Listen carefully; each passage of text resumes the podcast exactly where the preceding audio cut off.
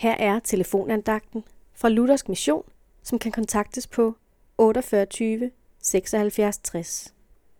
Andagtholderen i dag er Egon Høj Hansen. I Johannes evangeliet 5:14 står der, Sandelig, sandelig siger jeg jer, den der hører mit ord og tror ham, som har sendt mig, har evigt liv, og kommer ikke for dommen, men er gået over fra døden til livet. Den der hører mit ord, læste vi.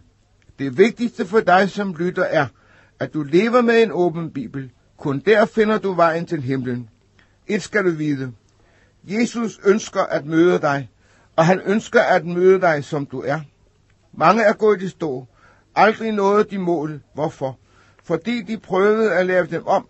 De ville forbedre dem, og så ville de komme til Jesus. De kom aldrig. Hvorfor? Fordi de kunne ikke det, de gerne ville. Aldrig syntes de, at de var gode nok, og kom aldrig længere. Er det sådan, du har det?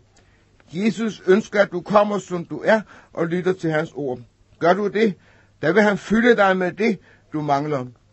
Når du om et øjeblik lægger røret, der skal du tage din bibel, og så begynde at læse Johannes evangeliet. Vil du det, og bede Gud åbne ordet for dig, der vil du igen få glæden ved at høre Jesus til. Har du ikke Jesus som din frelser, så læs Johannes evangeliebøn. Der vil du møde Jesus. Du skulle måske finde en, du kan tale med, så ordet du læser bliver til tro. Der er en port, som åben står, og den som morgen rødsen.